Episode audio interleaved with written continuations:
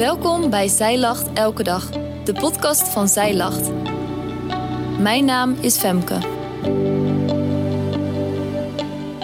Dit is de overdenking van 17 oktober, geschreven door schrijfster Mandy Wittekoek. Je wil je kwaliteit ontdekken en ze inzetten voor Gods koninkrijk. Ontdekken op welke manier jij jouw unieke steentje kunt bijdragen. Maar hoe doe je dat als je niet eens weet waar je moet beginnen? Als je in het duister tast over jouw talenten. Spoiler alert, vandaag heb je niet meteen alle antwoorden. Je gaat niet als een veranderd mens de wereld in. Wat je wel hebt is een startpunt van een ontdekkingstocht die jou verder gaat helpen. We kijken naar hetzelfde verhaal als gisteren: de gelijkenis van de talenten. Vandaag kijken we naar het moment dat de dienaren de talenten krijgen. In Matthäus 25, vers 14 tot 15 staat het volgende: Want het is als iemand die naar het buitenland ging, zijn eigen dienaren bij zich riep en hun zijn bezittingen toevertrouwde. En aan de ene gaf hij vijf talenten, aan de ander twee en aan de derde één, ieder naar zijn bekwaamheid.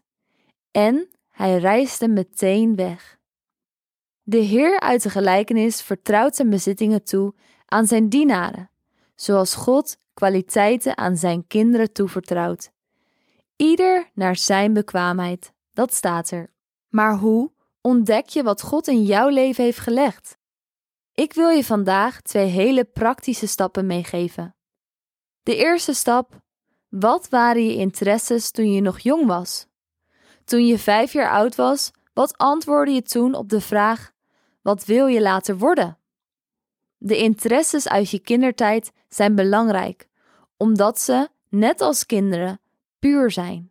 Ze worden, als het goed is, niet beïnvloed door gedachten als: wat willen anderen dat ik doe? Of waarmee krijg ik de aandacht die ik zo graag wil?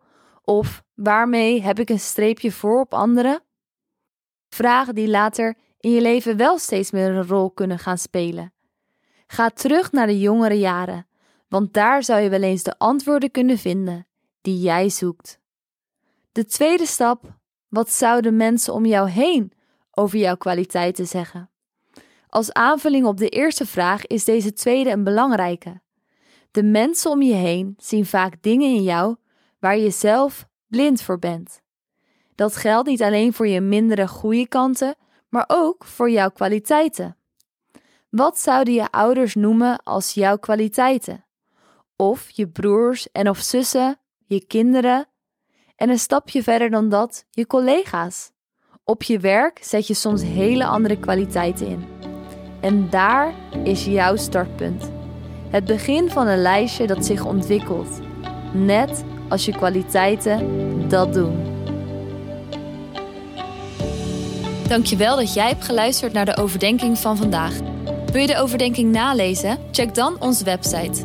Je vindt er ook meer toffe dingen die jou helpen om de Bijbel vaker te openen, zoals boeken, Bijbels, cursussen en evenementen. Morgen ben ik weer bij je terug met een nieuwe overdenking. Tot dan!